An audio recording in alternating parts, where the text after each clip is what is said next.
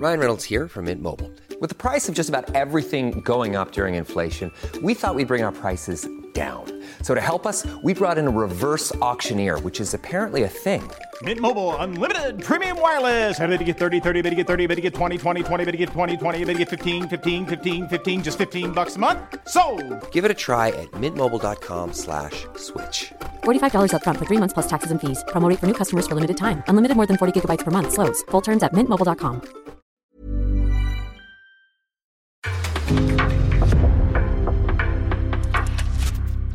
En podcast från Aftonbladet.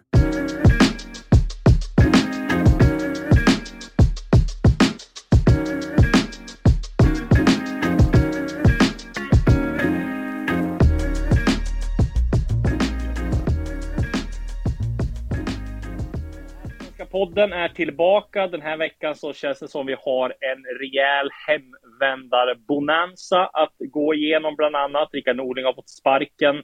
Malmö FF har tagit sig med nöd och näppe vidare i ett Champions League-kval. Eh, det är jag, Daniel Kristoffersson, från en stuga i Njurunda utanför Sundsvall och eh, Makoto som är på plats i studion i eh, Stockholm. Hur är läget? Det är bra. Lägger in en disclaimer att alla eventuella ljudproblem kan ni skylla på mig och inte Disco i och med att han sitter i en stuga ute i Sundsvall och jag sitter i studion i Stockholm med all teknik framför mig. Men om man bortser från det faktumet så är det jättebra. Det har varit eh, minst sagt intressanta saker som hänt i serien här nu, sista tiden. Ja, det får man säga. Ska vi börja lite kort då med Malmös eh, Champions League-kval här. De eh, tog sig med nöd och näppe vidare mot Reykjavik. Eh, Milos Milojevic briljerade i både för och efter intervjuerna med sin isländska där. Det var lite coolt att se hans språk, även om man inte fattade någonting. Det lät ungefär som rövarspråket. Är, är vi säkra på att det var isländska? Han- Nej, det kanske var någon blandning. Men eh, det var i alla fall eh, imponerande. Men vad säger vi då? Nöd och näppe, Malmö vidare. Nu möter de eh, ett litauiskt lag. Vad heter de? Salgiris eller någonting? Ja, det är Zalgiris nästa runda här nu och det är ju ett betydligt tuffare motståndare, en liksom Europa-rutinerad motståndare. Men en motståndare som Malmö FF ska vara storfavoriter mot, som man ska kunna avverka och gå vidare. Eh, Det är ju ganska oroväckande hur det sett ut i de här två matcherna. Det råder ju ingen tvekan om det. Sen jag vet att ja, Milos Milojevic var inne på det också, att alla matcher ute i Europa är tuffa. Vi förväntar oss en tuff match, men samtidigt att släppa in, ja vad blir det totalt? Väl fyra mål på två, Fem, va? Ja, fem till och med eftersom att det kom 3-3 Ja. målet där. Fem mål på två matcher, ja, det, det är inte bra nog mot ett isländskt lag. Nej. De måste steppa upp nu om de ska kunna ta sig till ett gruppspel. Ja, så känns det ju. Ändå så känns det som det det märks ju att Malmös framgångar har gett dem en grym lottning. För jag menar om man tittar på de här AIK, eh, Djurgården och Elfsborgs lottning så är de har ju svårare i för, eh, deras första omgång i Europa League och Conference League än vad Malmö har, har nu liksom. Eh, så att det känns, eh, det är lite bäddat för att de ska i alla fall ta sig vidare ett, ett steg till i alla fall. Och något gruppspel tror jag i alla fall de kommer kunna greja. Vad tror du? Ja, alltså det, det är ju minimikrav att de tar sig åtminstone till Conference League-gruppspel skulle jag säga utifrån Ja. hur, hur eh, liksom Champions League, Europa League, Conference League är formaterat nu för tiden i det kvalet så ska det ju till att du gör en rejäl underprestation om du ska missa att ens ta dig till Conference League från CL-kvalet då, så att men målet måste ju ändå vara att ta sig till CL-gruppspelet. Det måste ju vara det som är målsättningen och där man ska utgå från. Ja, verkligen. Och utifrån verkligen. det perspektivet är det oroväckande. Sen såklart att Ja. ja. ett gruppspel, det borde de kunna ta sig till. Vi ska komma in lite grann på Malmös värvningar först då, men vi måste ju ändå avverka det stora som hände här. Vår kollega Josip Ladan avslöjade att Rickard Norling eh, fick sparken från IFK Norrköping. Det bekräftades eh, eh, strax därefter. Och ja, jag vet inte om du hörde det jag läste upp här med Zacharias Mård och, och Norling i förra podden. Men jag menar bara just de två intervjuerna efter varandra i eh, Norrköpings tidningar. Det sa ju liksom att de pratar, en ordförande och en tränare som inte pratar överhuvudtaget samma språk. Som var lite av ett öppet krig just det här med värvningar. Eh, det var ju bara en tidsfråga innan Norling skulle få sparken. Och, och som det såg ut mot Degerfors, Eh, att eh, man tar ledningen, så backar man hem med allt. Så destruktiv fotboll, så jag menar Drillo skulle ju jubla om man såg det här. Så det kändes ju väntat och helt rätt beslut. Vad säger du? Ja, alltså resultatraden talar för sig självt egentligen. Att eh, det är ett Norrköping som utifrån förutsättningar, utifrån vad de presterat tidigare, ska ha ambitionen och har ambitionen att vara ett topplag. Att slåss i toppen, slåss om Europaplatser, slåss om SM-guldet. Att ligga 11 då efter, ja, tredjedel av serien, det är för dåligt. Och framförallt också man har förra säsongen i åtanke, man har inte tagit rätt kliv fram. Med det sagt, truppen i sig har inte heller varit tillräckligt bra för att uppnå de ambitioner som klubben har. Och på något sätt, ja, Norling lyckades inte få fram det han, han ville. Det kändes som att värvningarna egentligen inte passade in i det som han ville göra. Eh, det fanns en diskrepans rakt av i hur klubben arbetade under den här våren och inför den här säsongen.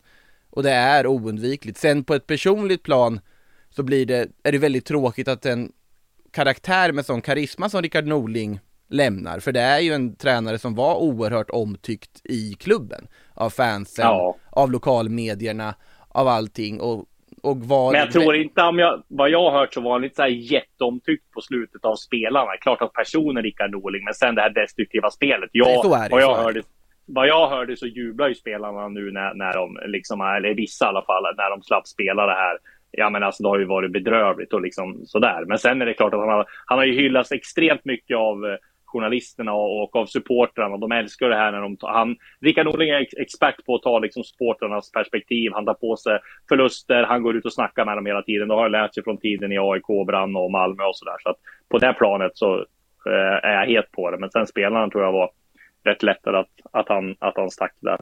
Ja, det intressanta blir nu vem som tar över.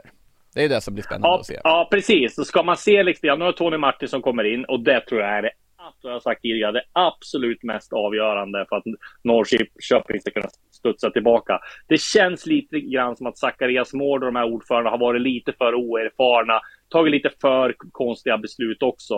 Eh, så det är nog bra att Tony Martin, Martinsson kommer och styr upp det här. Och, eh, han, har nog, han har nog en del att göra, kastas in i eh, och rekrytera en ny tränare och sådär. Men Eh, Daniel Bäckström har varit i organisationen tidigare, va? IFK Norrköping, eh, när Tony Martinsson var där. Ja, han tränade ju Sirius, eller Sirius, han tränade Sirius, han tränade Sylvia under ja. en period och det, det, det är ju någonting särskilt, man märker att det är en viss man får en viss stil av att träna Sylvia. Det är ju väldigt, väldigt, väldigt nära kopplat till hur Norrköping vill spela eftersom att det är mest Alltså jag P19-spelare ja. från Norrköping då använder det av och det, det är liksom den positiva passningsorienterade fotbollen som ja, lämpar sig perfekt för IFK Norrköping och blivit någonting av IFK Norrköpings signum, eller varit det i alla fall, den, den byggs ju på från ungdomsled och just nu med tanke på hur truppen ser ut, där det finns väldigt mycket unga spelare som ja, av olika anledningar fått chansen så är det viktigt att kunna fortsätta på den vägen så att jag har väldigt svårt att se att de ska de ska hugga på ett namn som inte står för den typen av liksom positiv offensiv fotboll. Det måste ju Nej, vara. Och då, exakt, och då är det väl tre namn också som jag eh, liksom har varit inne på. Jag har liksom inga uppgifter på att de var i kontakt med mm. de här, mm. men jag menar Bäckström, Poja och Andreas Brännström, det är ju tre solklart givna namn. Och jag menar Norrköping tror jag aldrig kommer ta någon utländsk tränare som kommer in bara på namnet. I så fall tar de in någon som liksom kan just det här och utveckla ungdomar och sådär. Att, att de skulle hitta någon sån utomlands, det håller jag liksom för otroligt. Så att, ja, men jag skulle bli förvånad om det inte blir någon av de tre. Ja, Kim Hellberg vill jag slänga in i den mixen om inte han hade gått Exakt. till eh, Värnamo här nu också med tanke på ja. att han på något sätt lagt grunden för hela den offensiv som de har använt eh, ja. med, på träningsplanen. Uh, han har man ju lite räknat bort för att det var så tidigt han gick till Värnamo. Men jag menar, säg ändå att Norrköping kommer med ett erbjudande att du blir huvudtränare här. Kan han tacka nej då? Liksom det, jag menar, och man ska ha klart för, för det också att tränare har liksom inte samma anställningsform som, som spelare. Mm. Rent krast så kan ju de bara säga upp sitt kontrakt och sen eh, liksom ha liksom en uppsägningstid om de inte har skrivit in några specialklausuler. Men oftast slutar de att klubbarna köper loss dem. Så där, så att, men det är klart att det känns som han vill vara med på det här tåget med Värnamo nu va? Ja, alltså det, det känns som att de också är så pass proffs. Jag känner lite samma sak med Bäckström också, att eh, vad är anledningen för honom att lämna Sirius i sticket mitt i säsong? Det känns inte som en typ av tränare och person som gör det heller. Eh. Nej, men samtidigt får man ju tänka så här, hur ofta kommer han få liksom, hur ofta blir det toppjobb lediga i Allsvenskan? Han kommer få, han kommer få en ganska bra eh, grund att stå på i Norrköping. Han kommer allt att vinna. Han kommer få eh, säkert ett fönster i, i, januari där de kommer spendera en del pengar. Och jag menar, han kan ju, o, det är helt omöjligt att göra sämre än Norling tror jag den här säsongen i Norrköping. Det kan bara få en uppsida. Även fast jag tror att smart nu Norrköping så tror jag de låter eh, den här eh, interimlösningen med Mravek och vem var det mer? Mm, ja, precis. De här ja, två. Assisterande där ja.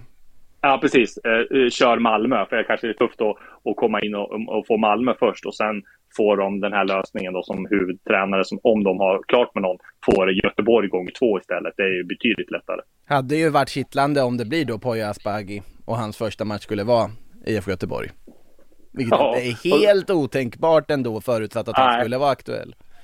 Ja, och så mot Stare, mot ett Göteborg som kommer med liksom en helt annan filosofi med, eh, med ett Göteborg som har eh, eh, sparkat ut Pojas lagkapten eh, Tobias Sana och, och där det finns falanger i Göteborg kvar från herregud. Poja, Poja-tiden. Det blir en ganska bra da, dram, dramaturgi där.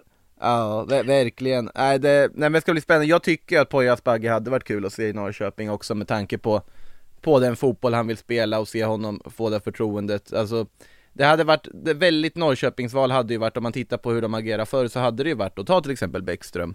Men på något sätt så, jag vet inte, de har ju förändrats med tiden och sen är frågan hur mycket har det påverkat av ordförandebytet, hur mycket har det påverkat av att Rickard Norling har varit chefstränare där också. Det är ju många aspekter man inte riktigt vet och det ska bli väldigt spännande att se vilka vägar de väljer att gå nu. Oavsett vad så är det ju tydligt att de måste se till att för att de ska ha den statusen de ändå haft de senaste åren som en utmanare i toppen, då måste de göra, då måste de förändra saker, de måste värva saker. Nu har de ju ändå börjat värva lite här under, under sommarfönstret eller inför sommarfönstret också, men äh, det ska bli intressant att se vad de, vad de plockar in. Sen blir det extremt spännande också, en tanke som slog mig nu när jag såg en bild i Norrköpings Tidningar på Totte Nyman. Hur tänker han? Alltså han har varit med och vunnit SM-guld med IFK Norrköping.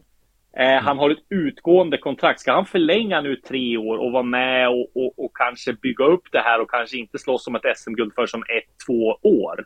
Eller tänker han att men nu är det nog dags att lämna Norrköping här.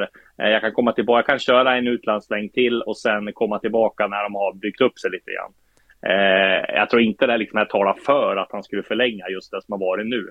Nej, alltså det beror ju helt på vem som kom, ta, kommer in, vad de har för tendenser Ja. under hösten. Jag tror inte att han kommer att stressa iväg och försöka bli lossköpt här nu under sommaren. Det har jag väldigt svårt Nej. att se. Och att gå till en annan allsvensk klubb är ju helt... alltså Nej, det är ju- det det kommer inte existerar hända. inte i Kristoffer Nymans världsbild och det kommer aldrig göra.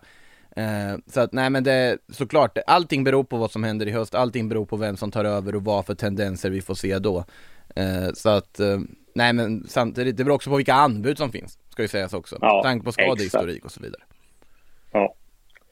Vi lämnar eh, Rickard Norling och IFK Norrköping där och går istället till hemvändarbonanza får vi säga. Jag skrev en tweet här i, eh, när jag hade det som mest hektiskt att det var eh, ett, ett, ett av de sjukare fönster eh, någonsin i Allsvenskan och att det bara kommer mera. Det var ju innan eh, jag och Josip hade skrivit om att Mackan Danielsson bara i detalj från, från Djurgården innan eh, Elfsborg hade presenterat Sebastian Hormén och eh, ja, eh, som jag har förstått det så Arne Sigurdsson, eller som- jag skrev då, Arne Sigurdsson är klar för Norrköping, Sebastian Hormén är klar för Elfsborg, Niklas Hult är klar för Elfsborg, Simon Gustafsson är klar för Häcken, eh, Pavle Vagic eh, är presenterad av Hammarby, Makadalen som kommer att presentera här inom de nästa eh, veckorna, även om det kanske kan dröja ett tag. Eh, och Mustafa Zeidan har gjort klart med MFF MFF jobbar även på Buya Turay, guldhjälten i, i, i, i Djurgården. Och Hammarby hoppas eh, eh, få till en övergång med Muamer Tankovic. Där är de väldigt långt ifrån varandra eh, gällande sign men så kan det vara i början. Men de jobbar hårt på det i alla fall. Och du hör ju själv, eh, ja men vart börjar vi här i den här grejen? Om vi ska ta ett grepp på, på allsvenska hemvändarna rent generellt då. Det är ju extremt kul, tycker jag, att, att det är sån här eh, eh, jag menar att sådana här profiler kommer tillbaka till Allsvenskan. Ja, absolut. Och det, det intressanta med just den skara som vi har här är att nu pratar vi ju inte om att det är spelare som ja, men känner sig nöjda med det de har gjort utomlands och vänder hem. Och det är ju ändå en tendens vi har sett under de senaste åren att allt fler yngre spelare som kanske är runt 22, 23, 24 som har gjort ett utlandssteg väljer att ändå flytta hem. Om det så är till samma klubb de gick ifrån eller till en annan klubb för att på något sätt få en ny start ut i proffslivet som, som de söker då. Det, det blir ganska vanligt Ja. att göra det. Eh, det är, och det är det är kul för serien, samtidigt så blir det väl lite att man funderar hur det har gått för dem ut, ute i Europa också med tanke på att de väljer att flytta hem. Men samtidigt så har allsvenskan idag en helt annan attraktionskraft sett till Alltså hur vikten av supportrarna tror jag är jättestor ja. där, att få spela inför den typen av fans som man kan hitta i allsvenskan, det är väldigt få ligor förunnat. Jag vet när jag pratade med eh, Pavle Vagic här efter att han, han blev klar för Hammarby så sa han ju just det också att ja men vi visade ju, vi svenskar i Rosenborg, vi visade ju liksom klipp på hur det ser ut i Sverige och visade för norska spelare, ja så här ska, så är det supportrar, det här är riktiga supportrar, det är inte det som vi ser i den norska ligan. Det är en helt annan grej och det tror jag lockar väldigt, väldigt mycket för många. Eh, ja. Och det är väl där vi ser effekten av egentligen. Ja, och sen att klubbar har ju visat att allsvenskan är ett bra steg att komma vidare. Jag menar, titta på de försäljningar Hammarby har gjort med Kosun Odilon och mm. liksom Michael Lado var där sen som gått till AZ Alkmaar från, liksom, nästan från ingenstans. Mm. Och jag menar, det försäljningarna som Djurgården har gjort, som eh, liksom eh, Elfsborg har gjort också, liksom, det sätter sina spår hos spelarna och vet att de kan. Gör de det bra i allsvenskan, i ett topplag där, så kan det bli eh, riktigt bra sen utomlands och studsa tillbaka ganska fort. Mm. Eh, och jag menar, det, det tror jag sån, framförallt en sån spelare som liksom Pavle Vagic eller Sebastian Holm, ja, kanske Sebastian Holmén är väl andra, men just Pavle Vagic. Och jag menar Simon Gustafsson också tänker mm. på. Eh, så att, äh, men det ska bli riktigt spännande. Vilken av de här är du mest spänd på då? Alltså att se, med tanke på vad Arnor Sigurdsson gjorde när han flyttade först, Uh, när han kom igång där i CSKA, gjorde mål mot Real Madrid och mot Roma i Champions League. Sen gick det ju inget bra i Venezia här nu, men att se vad han har hunnit bli utomlands under de åren han har varit borta ska bli otroligt intressant att se. Vilken nivå han håller, om det är liksom absolut toppnivå i allsvenskan som han, han har hittat. Han var ju i och för sig på en extremt hög nivå när han flyttade, men de stegen han har tagit borta ska bli otroligt intressant att se, tycker jag i alla fall. Sen såklart för ett Elfsborg som är en ganska bra bit från toppstriden och få in de här hemvändarna verkligen som också varit ute ett tag betyder ju jättemycket tror jag för, för grunden och stabiliteten i det här laget så att eh, Nej men jag måste, jag måste ändå säga Sigurdsson just på man På den nivån han har varit ute i under tiden ja. han inte var i Allsvenskan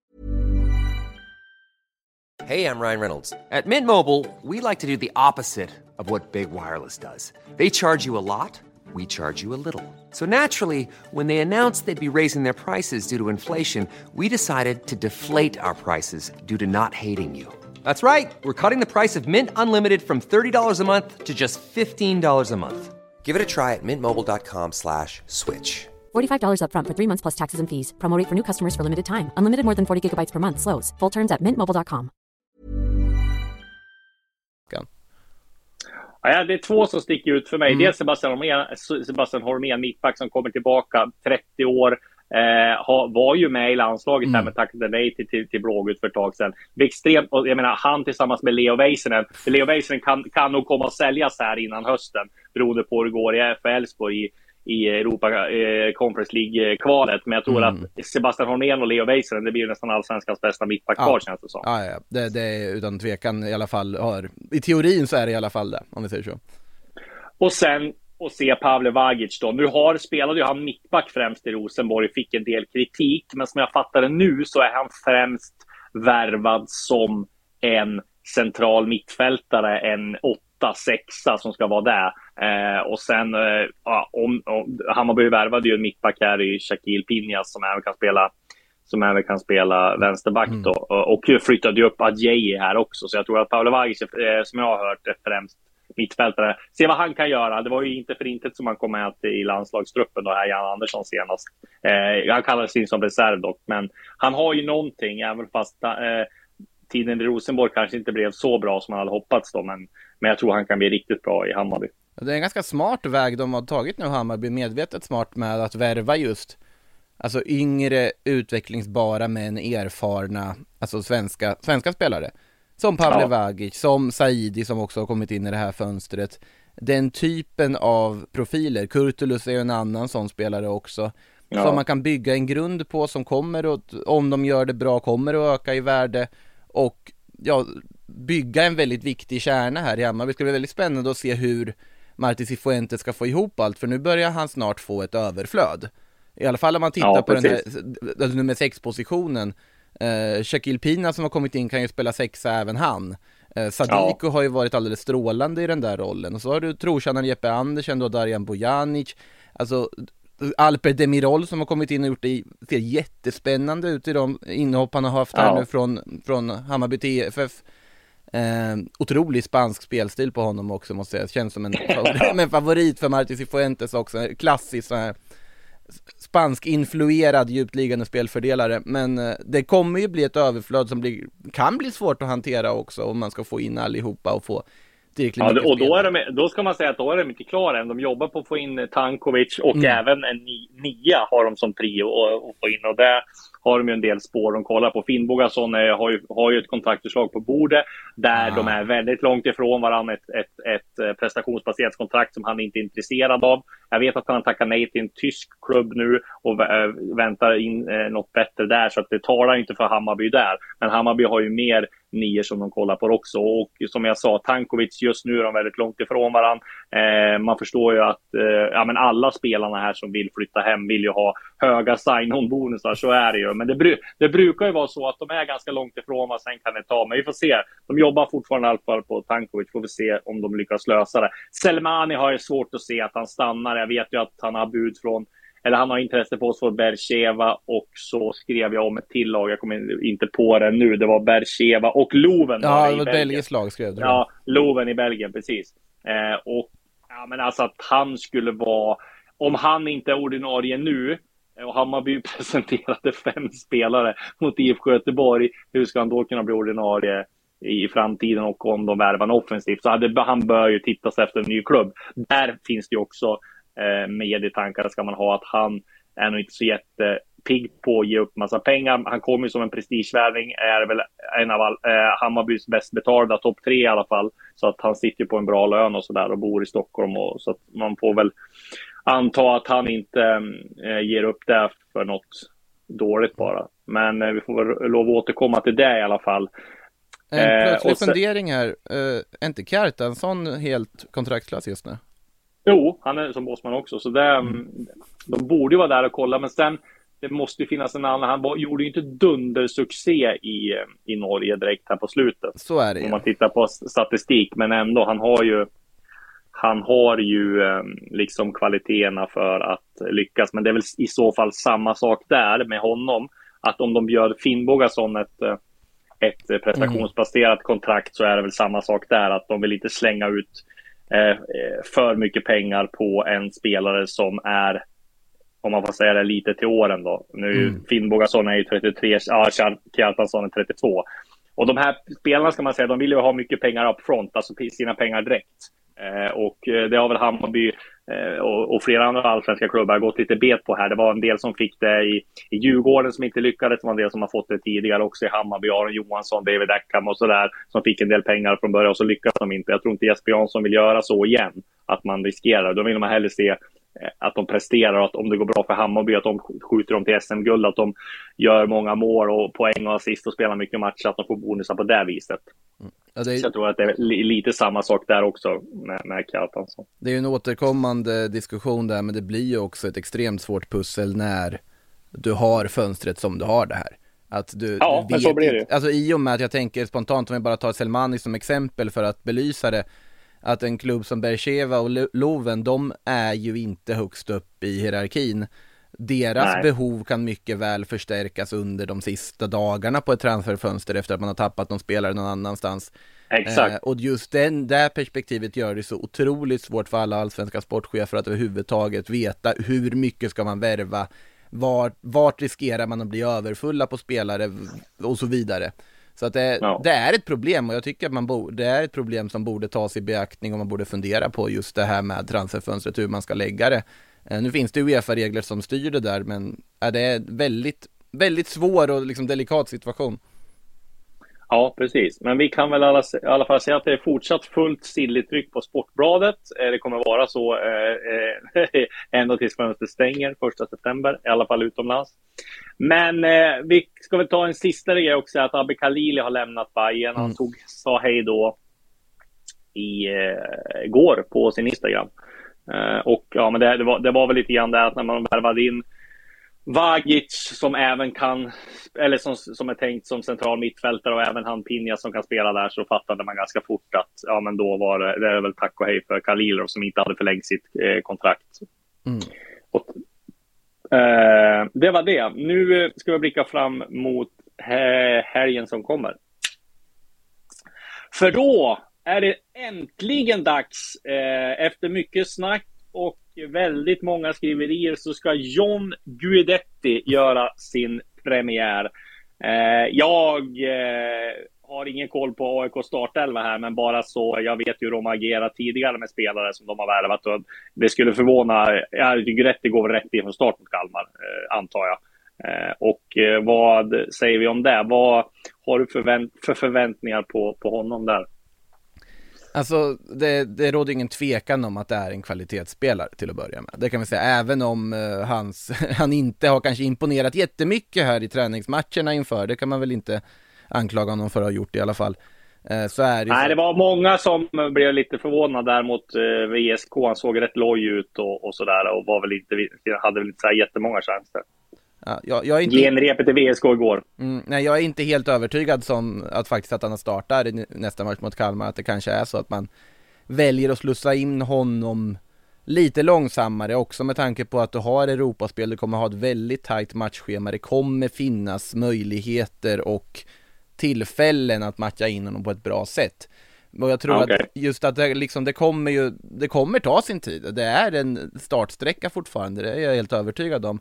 Men däremot så när, när han har kommit igång, det man alltid kommer få från John Guidetti, det är alltså orubblig vilja, han kommer att sprida energi till sina lagkamrater, han kommer slita, han kommer ge sitt yttersta och vara en pådrivare på alla sätt och vis. Och det är ju den John Guidetti som i alla fall, det är den bilden jag har fått av honom som har byggts upp lite under tiden i alla väst, där han har blivit mer en grovjobbande forward snarare än en notorisk målskytt. Men det sagt, såklart han kommer göra sina mål. Jag har väldigt svårt att se att han ska gå mållös under hösten. Han kommer göra sina mål, han kommer avgöra sina matcher, det är jag övertygad om.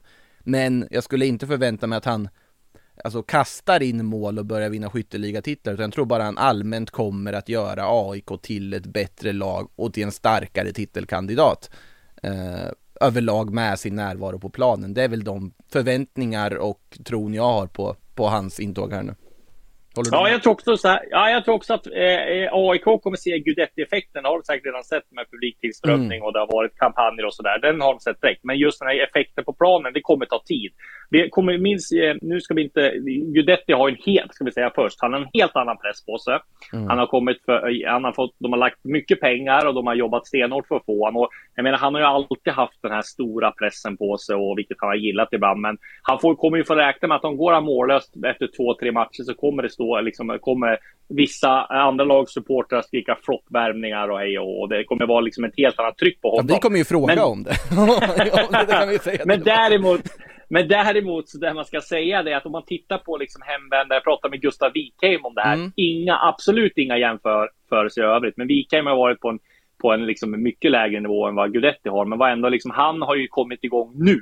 Mm. Och det, det, har ju tagit nästan ett halvår. Om vi tittar på Joel Asoro så tog det nästan ett år innan han acklimatiserade sig. Om vi tittar på Alexander Kasaniklic, Mohamed Tankovic tog det nästan exakt lika lång tid. Det tar, även vilken nivå man än har varit på, så tror jag det alltid kommer ta tid att anpassa sig till allsvenskan. Det är konstgräs, det är helt andra träningar, det är helt andra medspelare och lite annorlunda sätt. Det är att man eh, tar ett steg neråt till liksom nivåmässigt i fotbollen så är om man går till storklubbar som AIK, Djurgården, eh, Malmö, Göteborg, Hammarby eh, ja, eh, och så, så är det ju samma tryck från supportrarna som det är om du spelar ute i Europa i de allra största klubbarna.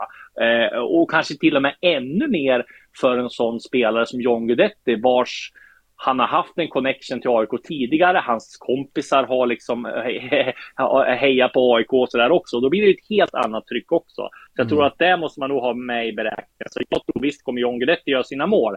Men den riktiga John Guidetti-effekten tror jag först kommer få se Kanske inte så sent som nästa år, men i alla fall i, i slutet av säsongen när det har gått några matcher. Eh, det tror jag. Ja, nej, jag helt instämmer helt enkelt. Och så här, Jordan Larssons, eh, hans eh, raketer var ju liksom nästan katastrofal första säsongen han hade i Norrköping. när han kom tillbaka och sen bara blommade Ja. ut. Det finns många exempel på det där om att det tar tid. Och just, just det här med pressen är intressant. Jag tror John Guidetti är en sån som växer av sån press som det innebär. Att han nu får stå i ett rampljus igen, för han har inte varit i det där rampljuset på väldigt, väldigt Nej. länge. Senaste tiden var ju i, ja det var ju Celta Vigo egentligen. Det var ju då när han Ja. var som allra bäst där, då, då var han i rampljuset, då var han liksom den som gjorde målen. Han var hypad, han var i landslaget och sen efter det så har han ju inte varit varit spelaren i centrum på samma sätt och jag tror att John Guidetti som karaktär är ju en spelare som mår bra av det, som trivs av det, men jag tror att hans effekt av det på sikt skulle kunna vara så Eno Goitom tycker jag är en ganska bra jämförelse. Ja men sett till liksom hans spelintelligens, sett till det han kommer betyda hur han gör lagkamrater bättre. Det är ju den John Guidetti jag tror vi kommer få se. Och också det här med att anpassa sig att folk, spelarna runt omkring honom tänker inte lika fort som de gjorde i La Liga. Och det där kommer ju också vara en effekt, eller liksom sak som du måste anpassa dig till och tar tid att göra.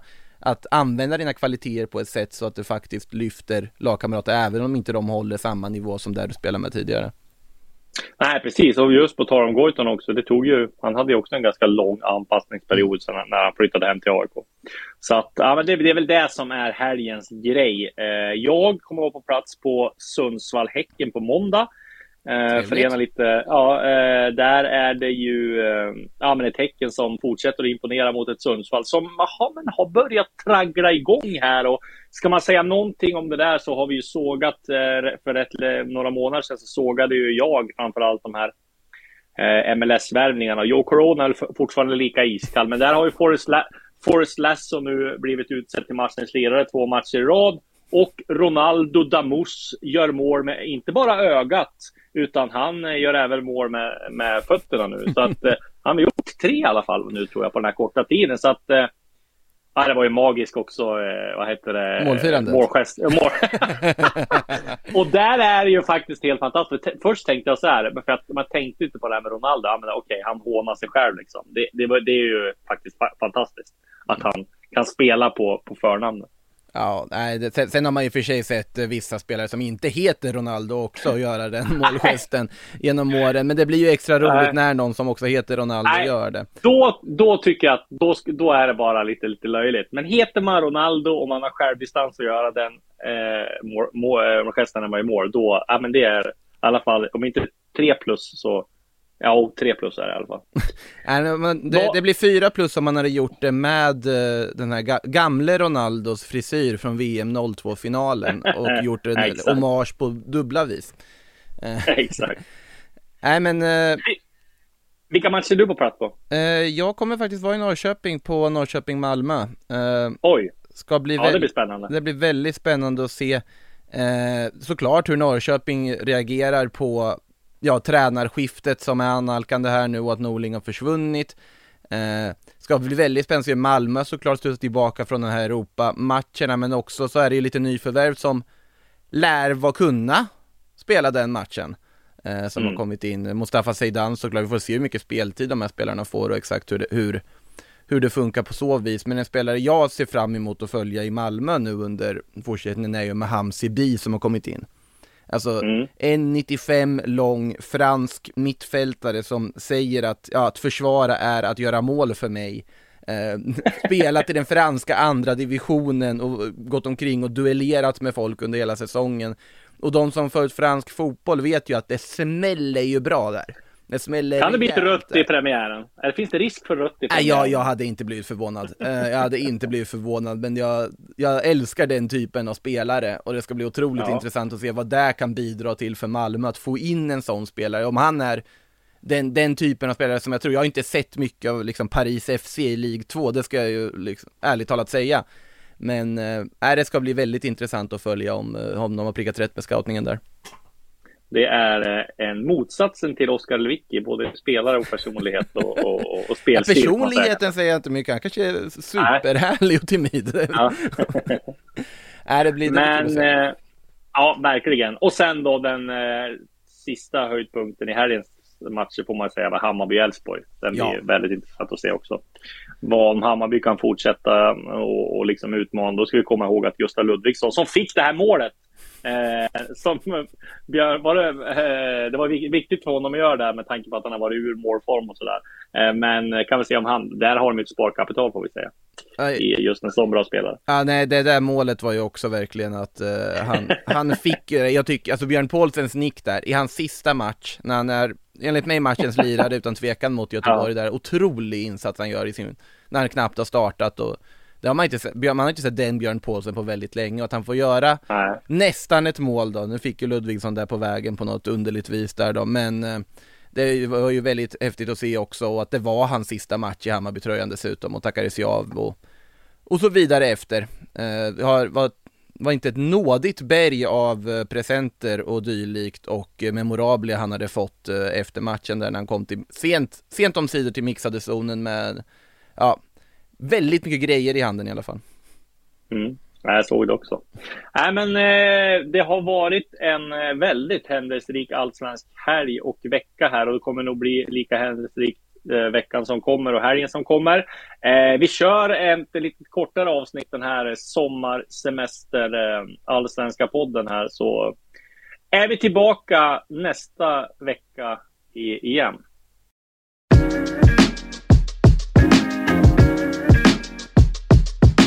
Du har lyssnat på en podcast från Aftonbladet. Ansvarig utgivare är Lena K Samuelsson.